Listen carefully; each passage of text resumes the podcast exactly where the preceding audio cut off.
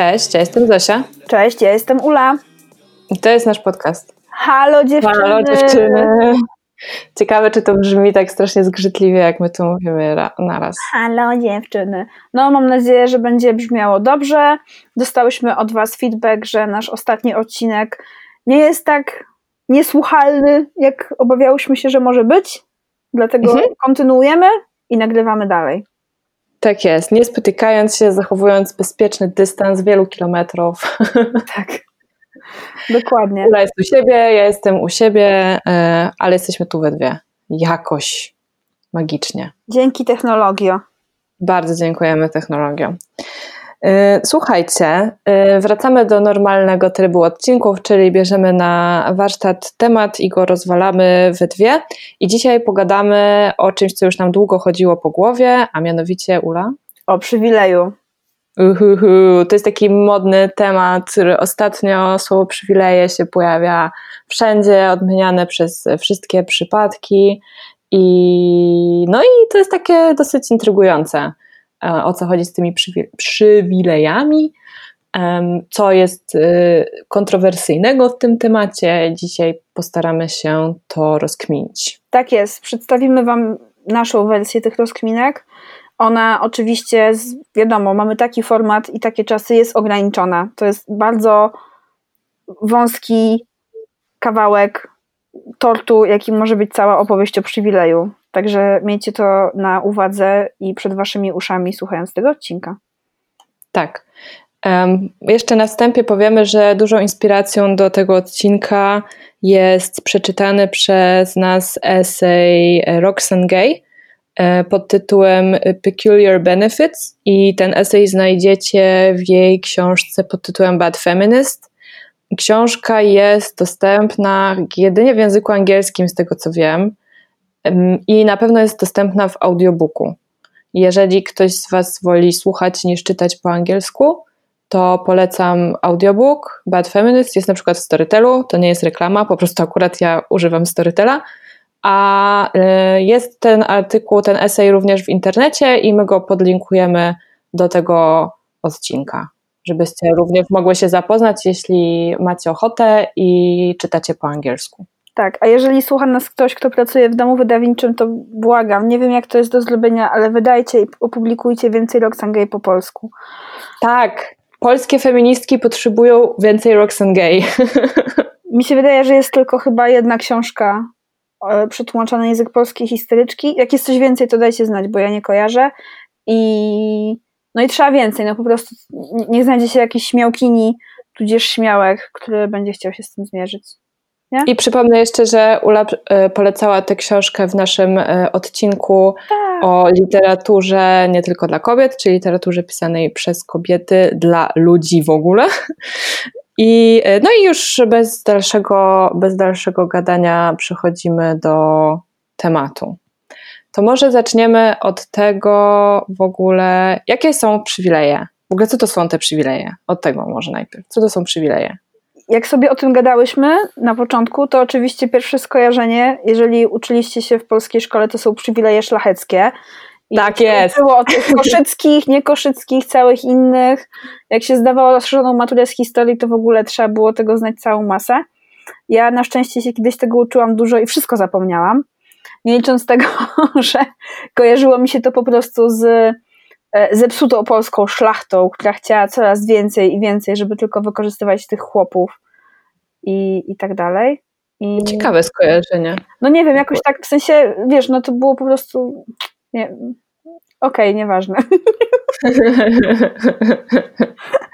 Znaczy nie, no wiadomo, że słowa demokracja szlachecka ogólnie są, to jest jakiś oksymoron, demokracja szlachecka jakby, no ale w skrócie chodziło o to, że król oddawał część swojej władzy właśnie uprzywilejowanej grupie społecznej, jaką była szlachta i to było po prostu potwierdzane kolejnymi, e, kolejnymi dekretami. A na przykład były jakieś takie, że E, król e, czy państwo, już nie wiem jak to nazwać, zobowiązywano się do tego, że żaden cudzoziemiec nie zostanie królem Polski, a potem jednak to zmieniano, bo jednak cudzoziemiec był lepszym kandydatem, albo że na przykład e, król nie podwyższy szlachcie podatków jakichś tam I tych przywilejów była, była cała masa w tym okresie, kiedy szlachta jakby trzęsła Polską, jeśli w ogóle można mówić Rzeczpospolitą, nie Polską nawet.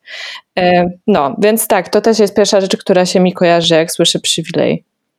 No właśnie, a potem jakby wchodzi ten taki nowoczesny temat po prostu w dyskursie społeczno, albo społecznym, społecznym albo społeczno-ekonomicznym, czyli przywileje, czyli jest to nierozerwalnie związane z rasą, w moim wypadku z byciem białasem, z byciem osobą Moim białą, też. no dokładnie, e, i z całą masą jakby innych rzeczy, które się za tym idą, więc może na po prostu na potrzeby naszej rozmowy my sobie to uprościmy do tego, że przywilej to jest po prostu pewne prawo, które upoważnia ci albo umożliwia ci do korzystania ze szczególnych względów.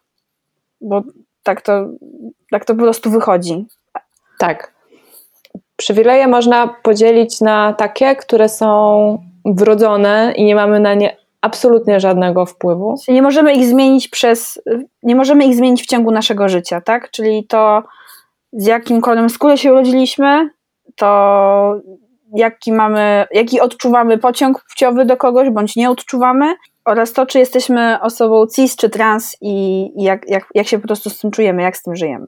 To są takie rzeczy, na które po prostu no nie mamy wpływu, ja nie zmienię mojej rasy w trakcie trwania mojego życia, mogę się dowiedzieć o tym, jaką mam seksualność lub, lub o innych rzeczach, ale generalnie to są pewne rzeczy, z którymi się rodzimy, czujemy i nie możemy sobie o tak ich zmieniać. Dokładnie. A jest też cała masa rzeczy, które też mogą być naszymi przywilejami, ale które mogą zmieniać się w ciągu naszego życia. Zofia, takie jak? No, na przykład jest przywilej ekonomiczny. Możemy w ciągu swojego życia zmienić swoją sytuację ekonomiczną e, w jedną bądź w drugą stronę. E, jest taki, mm, nie wiem jakby to nazwać dokładnie, no ale e, jakiś, nie wiem czy w ogóle istnieje taki przywilej, mam jakoś taki nazwa emocjonalny, nie wiem, że nawet załóżmy możemy mm, być z jakiejś fajnej rodziny, mieć jakby jakiś taki dobry, dobre środowisko do dorastania. E, możemy też e, w przyszłości, nawet jeśli to nasze dorastanie nie było jakieś fantastyczne, stworzyć dobrą relację z innymi, założyć własną rodzinę i jakieś tam te emocjonalne potrzeby y, zaspokoić. E, edukacja na przykład, myślę, że to jest taki przywilej, który możemy sobie wywalczyć. Oczywiście niektórzy mają do tego łatwiejszy dostęp, inni, e, inni mają utrudniony. Mm, co jeszcze? Myślę, że mm, narodowość jest taką, miejsce zamieszkania to jest, to jest taka rzecz, którą też można e, zmienić. Załóżmy, z mojej perspektywy, bycie mieszkańcem Szwecji w tym momencie jest gigantycznym przywilejem, E, I teoretycznie ja, jako osoba mieszkająca w Polsce, mogłabym kiedyś się tam przenieść i, i jakby dołączyć do tej rzeszy szczęśliwców w Szwecji. Akurat wybrałam Szwecję, bo uważam, że to fajny kraj. W porównaniu z Polską. A z drugiej strony żyjemy i mieszkamy w Europie i to dalej jest dużo łatwiejsze miejsce do życia i mieszkania niż cała masa innych krajów. No nie? O, o Mimo jak najbardziej. Tak. No właśnie, i widać już w tym momencie, wiecie, tak jak my sobie gadamy, że temat jest po prostu mega złożony. Te przywileje się mogą przenikać, mogą się nawarstwiać, ale też, no wiecie, każdy nawet zna, nie wiem, z filmów, powiedzmy sobie, temat, nie wiem, dzieciaka z bogatej rodziny, który jest nieszczęśliwy, bo rodzice nie poświęcali mu czasu, tak? Czy no cokolwiek, w sensie po prostu sytuacji i zbitek tych przywilejów jest tyle, ile jest ludzi na świecie. Dokładnie. Ja bym tu przypomniała, mm, pewnie może większość z Was widziała, tak mi się wydaje, przynajmniej e, jak ja byłam nastolatką, dzieckiem, to prawie każdy ten film widział, czyli film Notting Hill z Hugh Jackmanem i Julią Roberts. tam jest Grantem. Hugh, przepraszam, Hugh Grantem, przepraszam. Hugh ten, Hugh tamten, ale fakt. Jeden z Australii, drugi z Wielkiej Brytanii. Sorry, Hugh Grant. Jeden jest dwa razy większy niż drugi. Mm, no i Przepraszam. Tak, to prawda. W każdym razie y, dla tych, co nie widzieli, ale też przypomnę, po prostu film jest o y, księgarzu, który zakochał się w bogatej amerykańskiej sławnej aktorce, którą gra Julia Roberts i on ją zaprasza na kolację do swoich znajomych. Jest taka scena, kiedy siedzą przy stole i licytują się, kto ma w życiu gorzej. No i jest tam y, osoba, z tego co pamiętam, niepełnosprawna, jest tam osoba, która jest biedna, no generalnie ludzie po prostu mówią, jak mają przewalone, e, ale tej nieszczęsnej Julie Roberts nikt nie zaprasza do tej dyskusji i ona tak nieśmiało mówi, ale ja też bym chciała powiedzieć, jak bardzo ja mam przewalone. No i oni wszyscy się z niej śmieją, że jakby co ty gadasz, nie? Jesteś bogata, piękna, sławna, więc e, więc e, nie masz na co narzekać. No ona tam zaczyna narzekać na przykład na swój brak prywatności i inne rzeczy, które się wiążą z byciem celebrytką. No i na koniec tak się z niej śmieją, że dobra tam, te twoje narzekando to takie tam, to nieważne. Ale mają przywilej prywatności, o którym na przykład ona może tylko po, pomarzyć, no bo wszędzie za nią łażą fotografowie. I z naszego punktu widzenia to może być śmieszne, ale w jej życiu to jest rzeczywiście yy, coś, na, na tle czego ona jest, czuje się dyskryminowana. Wydaje mi się, że to tylko pokazuje po prostu, jak relatywizm y, każdej jednostki, każdej sytuacji, tak? Bo niezależnie od tego, ile masz tych przywilejów, nawet jeżeli jesteś Julią Roberts, to dalej możesz nie być szczęśliwa. I dalej są pewne rzeczy, które utrudniają ci życie. I faktycznie czasami może być nam ciężko wynieść się poza ten nasz własny sposób postrzegania, poza tą naszą własną optykę i zobaczyć i nasze przywileje, i też przywileje albo po prostu antyprzywileje innych osób, co nie? W sytuacji drugiego człowieka. Myślę, że właśnie przez to tak ciężko jest rozmawiać o przywilejach i tak ciężko jest akceptować swoje przywileje, bo yy, kiedy ktoś nam mówi, że jesteśmy uprzywi uprzywilejowani, wydaje nam się, że to jest coś, czego powinniśmy się wstydzić, albo że ktoś nam coś wy wytyka, jakby, że ktoś nas o coś oskarża. I też mamy wtedy, możemy mieć poczucie, jeżeli nie jesteśmy ok z naszymi przywilejami, nie, nie mamy tego przepracowanego, e, to możemy mieć poczucie, że e, to, że ktoś e, wytyka nam przywilej, to oznacza, że próbuje nam odebrać nasze doświadczenia, jakoś przekreślić naszą, naszą historię i właśnie nasze niepowodzenia, które są częścią nas. I próbuje nam jakby zrzucić je na dalszy plan i po powiedzieć nam, że one nie są ważne, no bo, no bo jesteśmy właśnie, bo jesteśmy biali albo bo jesteśmy hetero e, i, i, to, i to powoduje z kolei taki e, no, chciałabym to nazwać backlash, czyli jakby kontratak, czyli po prostu e, kompletne odrzucenie tych przywilejów przez osobę w cudzysłowie atakowaną i skupienie się na tych rzeczach, które, e, które są złe, i w efekcie powstaje konflikt, czyli po prostu licytowanie się na przywileje i na to, który jest ważniejszy, który jest większy, który jest lepszy i kto ma gorzej. Co nie ma absolutnie żadnego sensu. Tak, i ten mechanizm ataku i obrony niestety bardzo łatwo jest w niego wpaść, bo jest to totalnie instynktowne, tak? Czujesz, że ktoś mówi coś, z czym ty się osobiście nie zgadzasz i od razu bardzo łatwo jest przyjąć postawę osoby atakowanej. Naprawdę potrzeba trochę siły i spokoju i przede wszystkim jakiejś rozkminy, żeby z tej dynamiki wyjść i po prostu stanąć troszeczkę obok, spojrzeć na siebie i na swoje życie z dystansu i zobaczyć, że ta licytowanka się na przywileje po prostu nie ma sensu, ale z drugiej strony trzeba zobaczyć, jeżeli oczywiście jesteś osobą uprzywilejowaną, jednak gdzie miałaś w życiu łatwiej niż inni. Bo na tak. bank są takie momenty. Na bank są takie momenty i w ogóle yy, niespodzianka. E, my mieszkając w Polsce, wszyscy jesteśmy w jakiś sposób uprzywilejowani.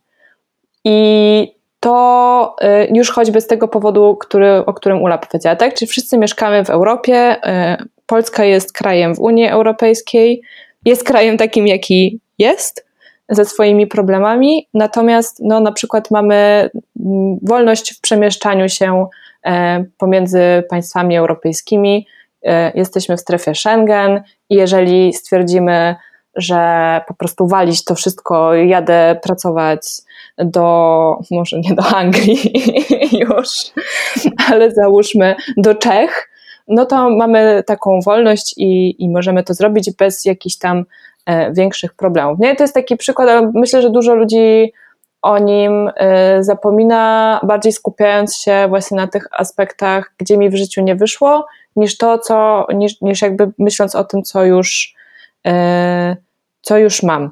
Jest to zrozumiałe, bo po prostu nie wiem, jeżeli na przykład jesteś osobą, która jest biedna albo ma ograniczone po prostu fundusze i musi oglądać każdą złotówkę z dwóch stron, zanim ją na coś przeznaczy, to taki moment w życiu, czy taki sposób życia jest tak wyczerpujący psychicznie, energetycznie, po prostu na każdym poziomie, że ciężko jest zastanowić się nad tym, że nie wiem, jednak powiedzmy masz dostęp do opieki zdrowotnej albo jest nie wiem, niski współczynnik analfabetyzmu, tak? Cokolwiek, jakby już wiadomo, bo jesteśmy do tego tak przyzwyczajeni, że ciężko jest wyjść po prostu poza taką percepcję.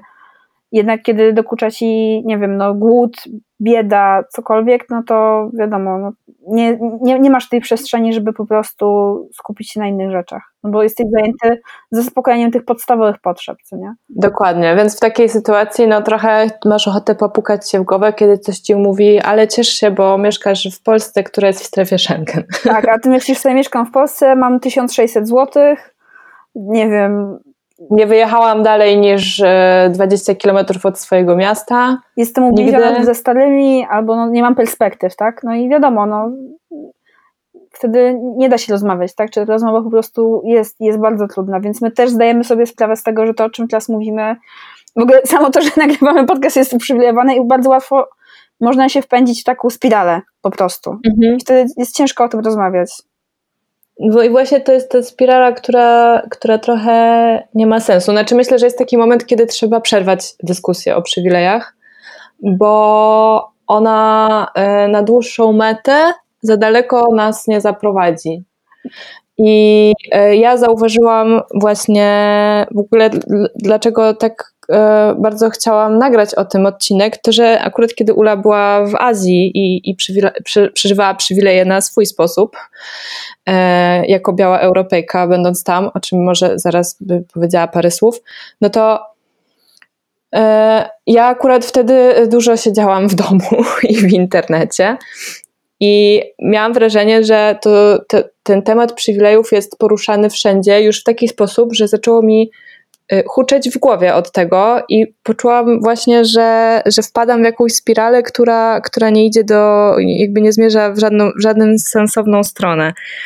Ja i Ula zresztą też nie, w ogóle nie zabieramy za bardzo y, głosu w dyskusjach internetowych, w jakichś tam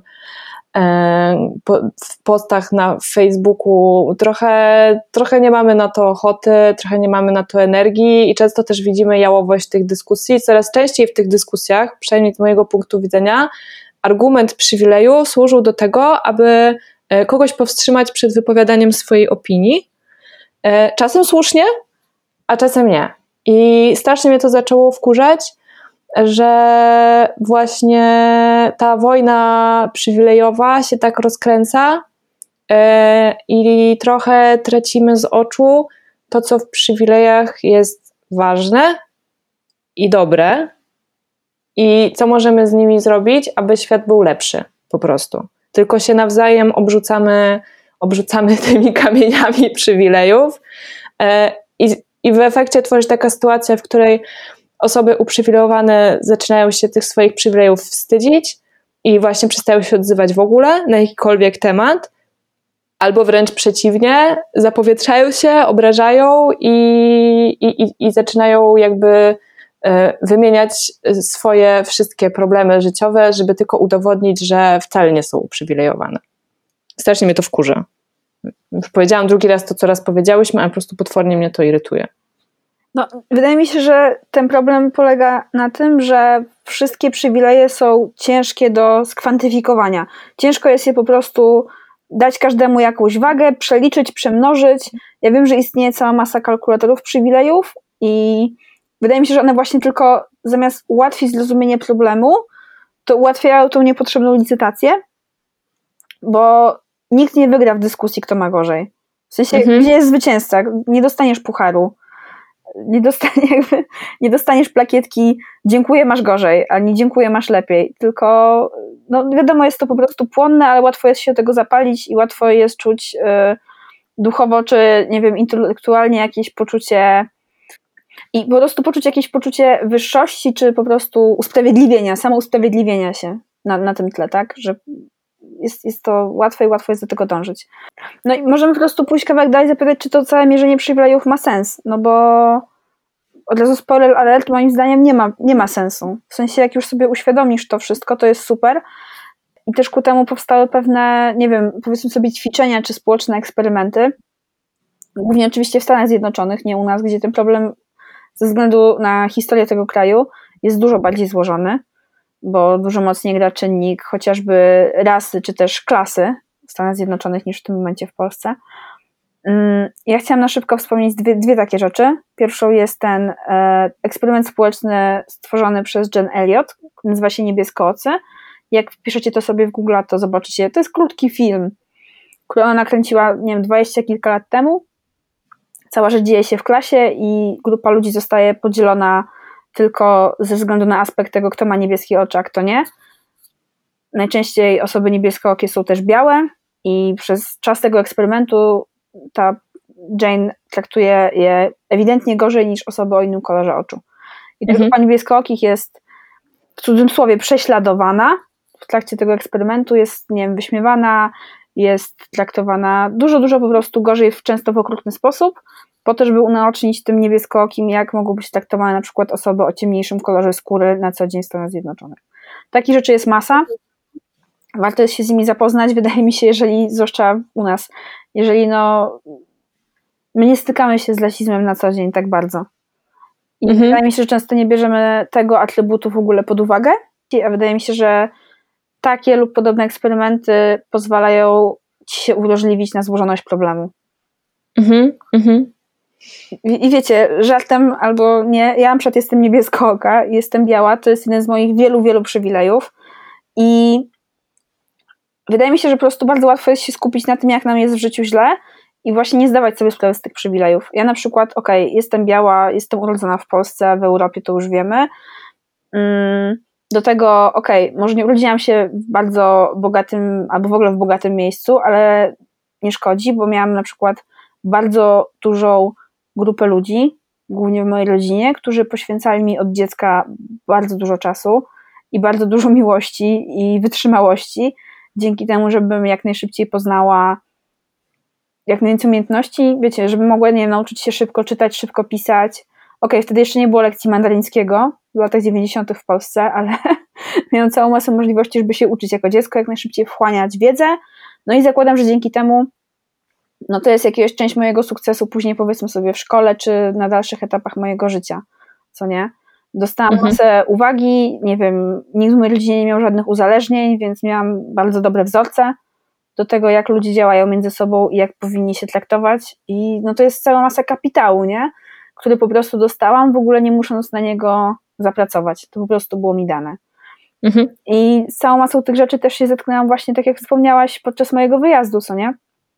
E, ok, jestem sobie w Azji na parę miesięcy, to znaczy, że jestem tak, jestem bogata, mogłam sobie na to pozwolić, mogłam sobie pozwolić, żeby nie pracować, żeby tam pojechać, żeby, nie wiem, wynajmować pokoje albo łóżka, żeby jeść, żeby nawet chodzić, nie? No bo to akurat też nie jest takie oczywiste. U nas w Polsce jest cała masa problemów z dostępem do, nie wiem, ulic, chodników czy jakichś budynków instytucji dla osób z niepełnosprawnością. W Azji to jest jeszcze gorsze, bo na przykład są, nie wiem, krawężniki pod 6 centymetrów i naprawdę trzeba mieć sprawne kolana, żeby z nich korzystać. Ja jestem młoda, jestem sprawna, mam dwie nogi, no to też jest ogromny przywilej, z którego sobie w ogóle często nie zdajemy sprawy, co nie? Że możemy mm -hmm. się nawet poruszać. I jestem pewna, że ty w swoim życiu też miałaś masę przywilejów. Część była łatwiejsza do zobaczenia i zrozumienia, a część trudniejsza, co nie?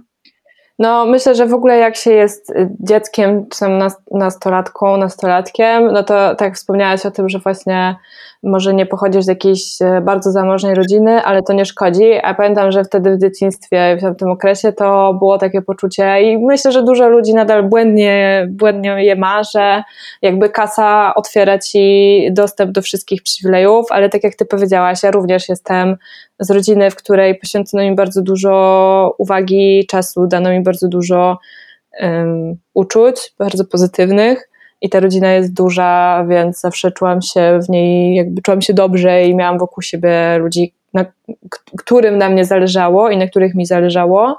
Ludzi, którzy wspierali mnie w mojej edukacji, którzy mnie motywowali do tego, żebym się uczyła, czasem wbrew mojej woli, bo też jak się jest dzieckiem, to po prostu chce się robić wszystko inne, tylko nie to.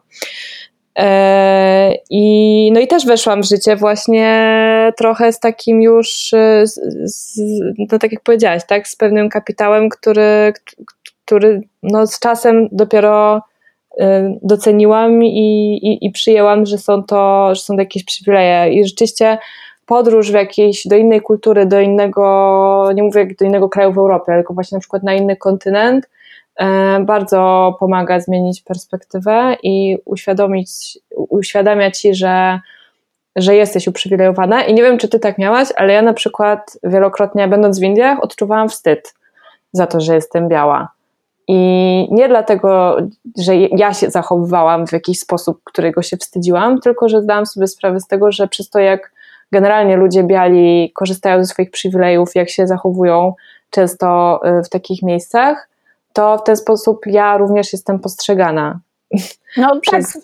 ludzi, którzy tam żyją. Nigdy nie zapomnę rozmowy z kobietą, która próbowała mi sprzedać jakieś koraliki i strasznie się zdziwiła, kiedy do rozmowy wynikło, że ja przyjechałam do Indii tylko na trzy miesiące, e, trzy, boże, trzy tygodnie. I ona spytała, jak to? To co tak krótko? A co ty, co ty musisz robić w domu? I była bardzo zdziwiona, kiedy jej powiedziałam, że muszę wracać do pracy. i że nie jestem w Indiach na rok, jak niektórzy. E, I jakby nic nie mam do ludzi, którzy mogą sobie pozwolić na to, żeby być w Indiach na rok, nie? Tylko po prostu e, zaszokowało mnie to, że e, tak, oni mnie widzą i to też zdało, dzięki temu zdałam sobie sprawę z ogromu przywilejów, jaki mam. Mhm w ogóle związanych z tym, że mogłam gdziekolwiek pojechać. No tak, że miałaś wakacje w ogóle, co nie? Tak. No, e, wiesz, co, co, do no. jeszcze, co do jeszcze tego trybu wyjazdowego, no to ja się za każdym razem, kiedy jestem na przykład w Azji Południowo-Wschodniej, czuję się jak po prostu najgorszy kolonizator, tak? Mimo, że ja osobiście nikogo nie skolonizowałam, nawet po prostu ta biedna Polska nikogo nie skolonizowała na szczęście. E, no ale jednak jesteś białasem, no i jakby wiesz, że twój kraj, nawet jeżeli my, ja na przykład żyjąc w Polsce często miałam poczucie gorszości względem na przykład, nie wiem, właśnie tak, krajów nordyckich, czy nawet, nie wiem, Francji, Niemiec, Anglii, tak? Jako Polak wydaje mi się, że masz poczucie gorszości, bo jesteś tym biednym kuzynem mhm. w Europie, no to jednak jakby przez działania historyczne tych innych krajów, ty żyjesz w dobrym kraju, tak? A ludzie tam żyją w krajach, gdzie na przykład jest dużo trudniejszy dostęp do wielu rzeczy, co nie? Które ty masz mhm. na starcie, więc ja się czuję po prostu zawsze jak najgorszy kolonizator, jak tam jestem. I, I tyle, no i to jest po prostu cena. I jakby nieważne, czy jest mi z tym komfortowo, czy jest niekomfortowo, no to po prostu jest cena, którą ja muszę zapłacić, jeżeli chcę korzystać z wakacji tam, no. I tyle. Dokładnie. Będę odczuwać i, i nie zamierzam tego zmieniać i jakby nie mogę tego zmienić, no. Mhm. Ja odczuwam jeszcze wstyd e, ekonomiczny, bo tak obydwie właśnie powiedziałyśmy, że nie byłyśmy z jakichś zamożnych rodzin, no ale umówmy się, też biedy nie klepałyśmy. E, w sensie, no w życiu mojej rodziny były takie okresy, kiedy pieniędzy było dużo mniej, przykład i um, moi rodzice nigdy nie dali mi tego odczuć. Nie wiem jak to ogarnęli, ale ja tego nigdy osobiście nie odczułam. No poza tym, że generalnie uważałam, że no jesteśmy strasznie biedni, bo nie mamy kina domowego, no ale to wow. po, prostu, po, prostu, było głupie, no bo e, porównywałam się z e, moimi znajomymi ze szkoły, którzy byli bardzo dużo, du, dużo bogatsi niż ja, niż moja rodzina, ale na przykład e, rozmawiałam z pewną moją bardzo dobrą koleżanką kiedyś, kiedyś na temat braku pieniędzy i ona powiedziała coś, co mnie absolutnie uderzyło do dna mojego serduszka i powiedziała mi, wiesz co, zdałam sobie sprawę z tego, że jak moi znajomi mówią, że nie mają pieniędzy, to nie mają ich w inny sposób niż ja. I chodziło o to, że kiedy jej znajomi, w tym ja, mówią, że nie mają pieniędzy, no to znaczy, że nie mają pieniędzy na swoim koncie własnym. Ale to nie zmienia faktu, że mają rodzinę, e, która ma jakieś zasoby, albo na przykład mają jakąś nieruchomość, albo w każdym razie nie są pozostawieni sami sobie w sytuacji, w której nie mają pieniędzy, a ona akurat e, jest osobą z takim doświadczeniem, że kiedy nie miała pieniędzy, no to faktycznie nie miała pieniędzy i nikt tych pieniędzy nie mógł jej dać ani pożyczyć, albo nie chciał. E, I wtedy też zrozumiałam, że moje nie mam pieniędzy to jest zupełnie inne nie mam pieniędzy dla kogoś innego. Mhm. I trochę staram się gryźć w język, kiedy mówię, że nie mam pieniędzy na coś. No ale też e, oczywiście staram się żyć ze swojej kasy, a nie z kasy moich rodziców, e, którzy też wcale nie są kryzysami. Natomiast no, muszę mieć cały czas z tyłu głowy to, że to, to nie jest tak, że jestem ubogą osobą, że mam gigantyczne szczęście i mam gigantyczny backup, yy, taki, który pozwoli mi przeżyć, gdyby coś yy, złego się stało ekonomicznie w moim życiu. Więc yy, to są takie. Ja, ja rzeczywiście czasem odczuwam wstyd na tym tle, bo wiem, że są ludzie, którzy, których sytuacja jest y, dużo gorsza. Nie, nie wiem, czy tobie się zdarzyło na przykład wstydzić opowiadać o swoich wakacjach. Ja ogólnie rzadko, rzadko, opowiadam o swoich wakacjach. W sensie najczęściej niepytana nie opowiadam o swoich mhm. wakacjach. I nie epatuję tym z różnych powodów, ani na mediach społecznościowych, no po prostu nigdzie, tak? W sensie raczej ktoś musi mnie o coś spytać. E, jest to na pewno częściowo związane ze wstydem, ale nie wiem. Chyba też z moim charakterem po prostu trochę, no. W sensie, wiesz, ja wiem, ja nie znam wielu osób, które mogły zrobić albo zrobiły coś takiego jak ja z tymi wakacjami, tak? Jest to pewien ciężar, ale najdziwniejsze w tym doświadczeniu jest to, że ja wiem, jaka byłam nieszczęśliwa wyjeżdżając na wakacje, mhm. tak? Bo, bo, byłam nieszczęśliwa, a mimo wszystko jakie dobre życie miałam do mhm. tego momentu, co nie? Więc to jest też takie poczucie braku wdzięczności. To jest yy, dość trudny temat, nad którym staram się pracować, żeby mieć większe poczucie wdzięczności za, za moje życie za rzeczy i za osoby, które w nim są. Mhm. No właśnie, możemy przejść teraz do tematu tej wdzięczności, bo myślę, że to jest w ogóle coś, nad czym każdy powinien pracować. E, I wiem, że może być czasem trudno i możecie czuć, że jesteście w kompletnej dupie życiowej. Myślę, że poczucie wdzięczności za te rzeczy, które macie, przynajmniej mnie, e, ono pomaga, ale bardzo ciężko jest nad tym pracować i, i, i rzeczywiście trzeba do tego, do tego dojść. Ale zanim o tej wdzięczności więcej, no to, to jakby już zmierzając trochę do końca, no to, to jak ogarnąć temat z tymi przywile przywilejami? W sensie, co po prostu można zrobić, żeby, y, żeby je przyjąć i jak powinniśmy z nich korzystać? Wiesz co, wydaje mi się, że przytaczając też historię twojej koleżanki i tego tematu pieniędzy, poruszyłaś taki temat niewidzialności pewnych rzeczy, co nie? Bo ty albo inne osoby nie zdawały sobie sprawy, że ta osoba faktycznie nie ma pieniędzy, tak? I zwykle jak słyszymy, że ktoś mówi takie same rzeczy jak my, to wydaje nam się, że są w tej samej sytuacji, co nie? Mhm. Więc jeżeli twoja koleżanka mówi, nie, ma pieniędzy, to ty sobie myślisz, dobra, nie ma pieniędzy, czyli coś tam, co nie, nie może sobie kupić, nie wiem, torebki czy butów, tak? W dużym uproszczeniu, mhm. oczywiście tak nie było. I wydaje mi się, że trzeba się trochę zmierzyć właśnie z tą całą niewidzialnością tych przywilejów, albo z taką ich oczywistością bardziej, mhm. nie? I to się w moim wypadku sprowadza do tego, że ja staram się przestać oceniać innych moją miarą, co jest bardzo trudne. Po prostu dla mnie jest jakby wyjście, wyjście z mojego ograniczonego bądź co bądź sposobu pojmowania świata i, drugi, i przez to drugiej osoby i odnoszenie jej doświadczeń do mojego po prostu kompasu, do mojej miarki czy do moich doświadczeń jest po prostu trudne. Ale wydaje mi się, że to jest, że to jest pierwszy krok do tego, żeby faktycznie zauważyć i zaakceptować swoje przywileje i je zrozumieć, spróbować w ogóle je zrozumieć.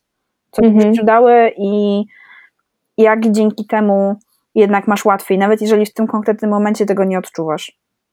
Mhm, mhm.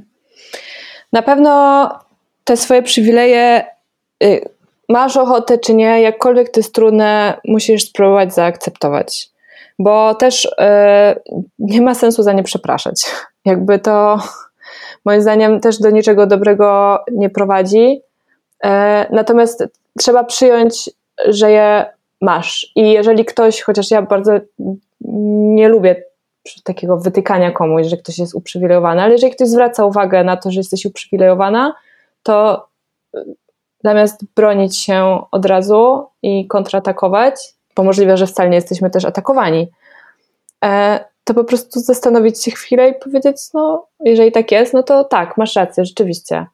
W tej sytuacji mój przywilej ułatwił mi załatwienie jakiejś sprawy na przykład. E, żeby, ja myślę, że też jakiś, trzeba trochę nabrać w tym dystansu do siebie i nie postrzegać każdej takiej, tego typu uwagi jako próby właśnie tego, o czym wcześniej mówiliśmy, czyli odebrania nam naszych doświadczeń i naszej historii, bo to nie o to chodzi. Rozmawiamy o konkretnej sytuacji, a nie o całym Twoim życiu i wszystkich Twoich doświadczeniach. Tak, ale niemniej właśnie trzeba zdać sobie sprawę, że Twoja ścieżka, jakby trudna lub skomplikowana nie była, to jednak to Ci mogło w pewien sposób rzeczy ułatwić. To oczywiście nie odbiera Twojej pracy i wysiłku włożonego, ale możesz spróbować albo chcieć spróbować zobaczyć, że jednak, nie wiem, gdzieś tam coś ci się udało dzięki temu łatwiej załatwić, tak? To dalej było dla ciebie ciężkie, ale znów dało się, nie? Tak, natomiast no też jednak to jest wszystko bardzo trudne, ale zachowałabym w tym jakiś zdrowy rozsądek i mimo wszystko no, nie przestałabym doceniać siebie za, za, za właśnie tą pracę czy wysiłek. Nawet jeżeli miałam łatwiej niż ktoś inny, no to też właśnie to jest to, to o czym mówię, że nie ma, nie, nie, nie przepraszaj za to w sensie, no po prostu przyjmij to, że, że, że udało ci się, ale też nie jest tak, że nie, nie jest to w żaden sposób twoja zasługa i właśnie tu bym przeszła do tej wdzięczności, e, żeby poczuć wdzięczność za to, co ci wyszło. Nie, wyszuku, nie wyszukiwać cały czas e, tych rzeczy, które się nie udały, albo tego, gdzie masz w życiu gorzej i dlaczego, tylko skupić się trochę bardziej na tym, co w Twoim życiu idzie dobrze i która z tych rzeczy jest wynikiem Twojej pracy, a która po prostu Ci się przytrafiła i za obydwie poczuć gigantyczną wdzięczność. Hmm. Powiedziałam coś głupio? Nie, nie, nie, nie, tylko się zastanawiam po prostu tak in general teraz. Wiesz, gdzie jest ten moment, kiedy ten przywilej ci się kończy. Wiesz o co chodzi? W sensie to chyba nie jest po prostu do ogarnięcia i pewnie szkoda czasu albo szkoda y, energii, żeby sobie to tak dokładnie znajdować, bo w sumie to nic pewnie nie da i do niczego nie doprowadzi, co nie? Ale w sensie jak to, gdzie jest moment, kiedy przywilej ci się kończy? Nie wiem, skończyłaś studia, tak? I to było trudne. Mhm. W sensie kończenie studiów jest trudne, bo to wymaga mhm. masę energii, pracy, wysiłku intelektualnego, wkur, wkurzania się na dziekanat, tak? Całej masy trudności na różnych poziomach. No ale jednak to, że mogłeś na te studia pójść, jest wynikiem całej masy innych zależności, co nie? No tak, tylko właśnie to jest ten poziom szczegółów, który należy się zagłębiać. No właśnie, się, pewnie nie, dlaczego? Czy to, jest, tak. czy to jest ten poziom e, rozmowy o przywilejach, w który należy dalej wchodzić po prostu? No bo w ten sposób możesz odebrać ludziom e, całą radość z czegokolwiek. No tak, całą sprawczość no, I też dumę, dumę z jakichkolwiek osiągnięć, nie? Bo... E, bo zawsze znajdzie się ktoś, kto będzie mógł w jakiś sposób y, w ten sposób Twoje osiągnięcia podważyć. I też nie warto tak, jakby, tak, przywilej mam i jestem wdzięczna za to, że go mam, ale jest jakaś praca, którą ja wykonałam i ona jest mimo wszystko moja. Gdybym jej nie wykonała, mając te wszystkie przywileje, to nie doszłabym tam, gdzie jestem. To prawda. Ale to, że mogłam wykonać tę pracę, tak, no to był przywilej, miałam do tego warunki. Super. No i właśnie chyba mi tego brakowało, wiesz? Tego właśnie znaczy, moim zdaniem bardzo dobrze to powiedziałaś w tym momencie. Jest jeszcze ostatni, e, ostatnia rzecz, e, znaczy pewnie jest ich więcej, no ale akurat z tych, o których e, teraz mówimy, czyli co robić, jak już te przywileje masz? A na pewno jakieś masz. Na pewno nie wdawać się w dyskusję, kto ma gorzej, ani się na to licytować. Warto jest po prostu, a skupić się na tym, żeby zrozumieć, co to jest przywilej i jaką on grał rolę w Twoim życiu i z jakim kapitałem przywilejowym zaczynałaś, tudzież zaczynałaś i jak złożoność tego po prostu wpłynęła na Twoje dalsze życie. Ale w sensie to trzeba przekminić, zrozumieć, ale nie brać kalkulatorów, nie używać i nie kwantyfikować bardziej niż to, bo oszalejesz. Tak. I ja bym jeszcze postarała się, jeśli Twój przywilej Ci jakoś y, ciąży, bo może, to jest potrzeba na spożytkowanie przywilejów do po prostu słusznych celów. Czyli załóżmy, no już nie, może bez wchodzenia w konkretne przykłady, ale chodzi mi po prostu o niesienie pomocy innym, którzy tych przywilejów nie mają. I używanie Twojego głosu który może wybrzmieć bardziej niż, niż głos osób nieprzy, nieuprzywilejowanych do nagłaśniania różnego rodzaju problemów i do niesienia pomocy. Tak, po prostu do poprawiania jakości życia tego świata, póki go jeszcze mamy. Nie trzymanie przywilejów dla siebie, tylko próba rozszerzania grupy uprzywilejowanej tak na jak największą. Jednocześnie, jeżeli chcesz pomagać, to wiadomo, do tego się pewnie odniesiemy w przyszłości w jakimś innym odcinku. Ważne jest to, żeby faktycznie zrozumieć, jak ta grupa potrzebuje pomocy, której chcesz pomóc, jaki będzie najlepszy sposób, żebyś ty jako osoba mogła tą pomoc nieść czy dawać i żeby jednak tej nieuprzywilejowanej grupy mimo wszystko nie zagłuszyć w jakiś sposób, no nie? No są takie super rzeczy, trudne moim zdaniem do meandrowania, ale jest jakaś droga. Tak, to jest bardzo trudne i, i w ogóle temat, jak pomagać, żeby robić to sensownie i żeby rzeczywiście pomagać, a nie tylko masturbować się po prostu swoją dobroczynnością, to jest, y, to jest mega, mega trudne i, i, i podejmiemy to kiedyś przy okazji oso osobnego odcinka o tym, myślę. No. Jeszcze z takich praktycznych rzeczy, jeżeli w którymś momencie czujesz się atakowana lub atakowany, to po prostu wbij sobie pauzę i zastanów się, dobra, dlaczego ja się teraz czuję atakowana, co, co się ze mną dzieje i czy ta osoba nie ma przypadkiem trochę racji, skoro ja tak agresywnie na coś reaguję. Czy tam mhm. nie ma po prostu pod, tej, pod tą rozmową o przywileju. Tak, a z drugiej strony też wystrzegałabym, e, wystrzegałabym się jakby wchodzenia w rolę takiego, nie wiem, pol, takiej policji przywilejów i po prostu wytykania ludziom na prawo i lewo, e, że są gdzieś uprzywilejowani, tylko po prostu zajęłabym się y, sobą, swoją sytuacją i pomyślenie nad tym, jak mogę ewentualnie poprawić y, sytuację innych osób. W sensie umówmy się, jeżeli faktycznie jesteś w rozmowie z kimś, kto jest tak odklejony od swojej rzeczywistości, czy właśnie swoich przywilejów, czy zrozumienia sytuacji, no to jasne, zwróć na to uwagę w jakiś spoko, wyważony sposób. No jak sytuacja jest beznadziejna, to jakby trzeba się od takiej osoby odczepić i jak najszybciej zakończyć rozmowę dla dobra swojego stanu psychicznego. Niemniej, yy, no wiesz co, to jest to, też to, o czym gadałyśmy trochę przed nagraniem tego odcinka, co nie? Że są takie, wiecie, może miałyście z tym kontakt, nakle- łatki, tak? Social Justice Warrior, Check Your Privilege. Mi się wydaje, że to są wszystko rzeczy, które się brały z bardzo dobrego pomysłu, czy z bardzo po prostu słusznych, moim zdaniem, idei, ale przez to, że ludzie nie zawsze są otwarci na rozmowę i na ten wysiłek zrozumienia sytuacji i jej złożoności, to po prostu łatwo jest komuś powiedzieć, że albo łatwo jest kogoś takiego odebrać jako osobę, która po prostu chcecie tylko i wyłącznie kontrolować, czy właśnie chce ci wytykać ten przywilej i, i tak, tak ją zaszufladkować. Mhm, mhm. Ale oczywiście nieważne, czy posiadasz przywileje, czy nie, no to bycie y, privilege police generalnie sprawia, że raczej jesteś wrzodem na dupie, niż faktycznie robisz dobrą robotę w którymś momencie już. Tak, w ogóle wchodzenie w roli jakiejś policji obyczajowej.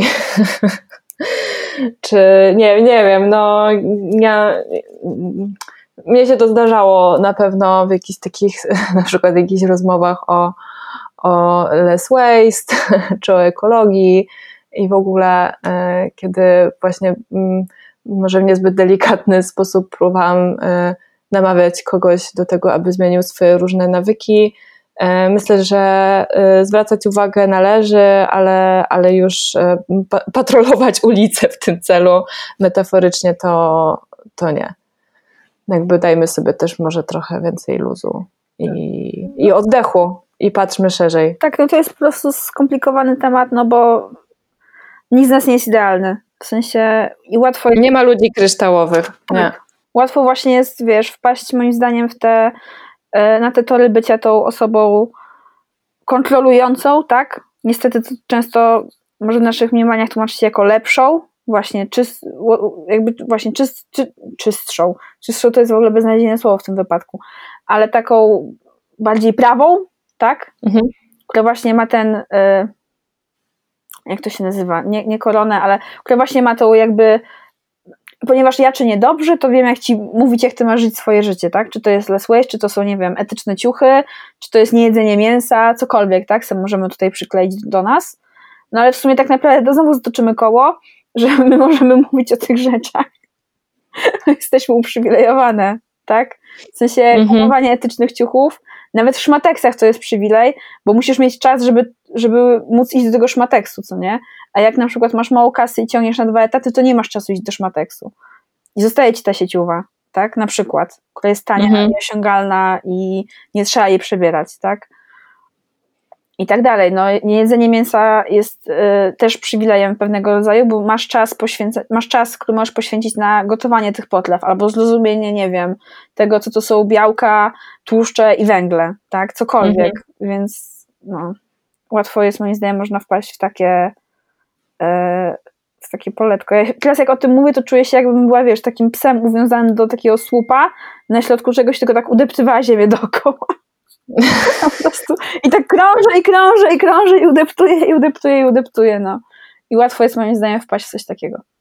No. Tak. Yy, no dobra. Jest bardzo to... z mojej strony. Chyba, chyba dałyśmy radę, ale czy dałyśmy radę, czy macie jeszcze jakieś myśli na temat przywilejów, których nie zawarłyśmy w tym odcinku, to koniecznie dajcie nam znać. Yy, możecie do nas pisać na przykład na halodziewczyny.gmail.com Tak, albo będziemy wdzięczne, jeżeli napiszecie do nas na Instagramie, na Facebooku, a najbardziej na świecie to już będziemy wdzięczne, jak polecicie ten podcast swoim osobom w waszym otoczeniu, którym może się on spodobać, bo każda nowa słuchaczka i każdy nowy słuchacz to jest plasterek na nasze serca w tym trudnym czasie. Dokładnie. Miły, pamiętajcie, że możecie nas słuchać na Spotify'u, na iTunesie, w Pocket Cast i w, jak się nazywa to? Lektonap. Lektonap. I na, I na YouTubie również jesteśmy i w różnych apkach, które tam macie, pewnie też. Nie wszystkich, ale w dużej części jesteśmy. Tak jest. Będzie nam bardzo miło, jeżeli na przykład nas oznaczycie na Instagramie, jeżeli podobał Wam się ten odcinek i nie wiem, albo cokolwiek. Napiszcie do nas, co o tym sądzicie i w ogóle jak Wam się to podobało. No bo to jest i tak dość gruby temat. W sensie to już nie jest takie, wiesz, haha, dwie koleżanki gadają przy kawie, tylko wzięłyśmy po prostu tłuściocha na tapetę i go trochę rozmasowujemy, ten temat. I będziemy to dalej robić z kolejnymi tematami. Wracamy za dwa tygodnie z kolejnym odcinkiem. A tymczasem trzymajcie się ciepło i no i do usłyszenia. Pa!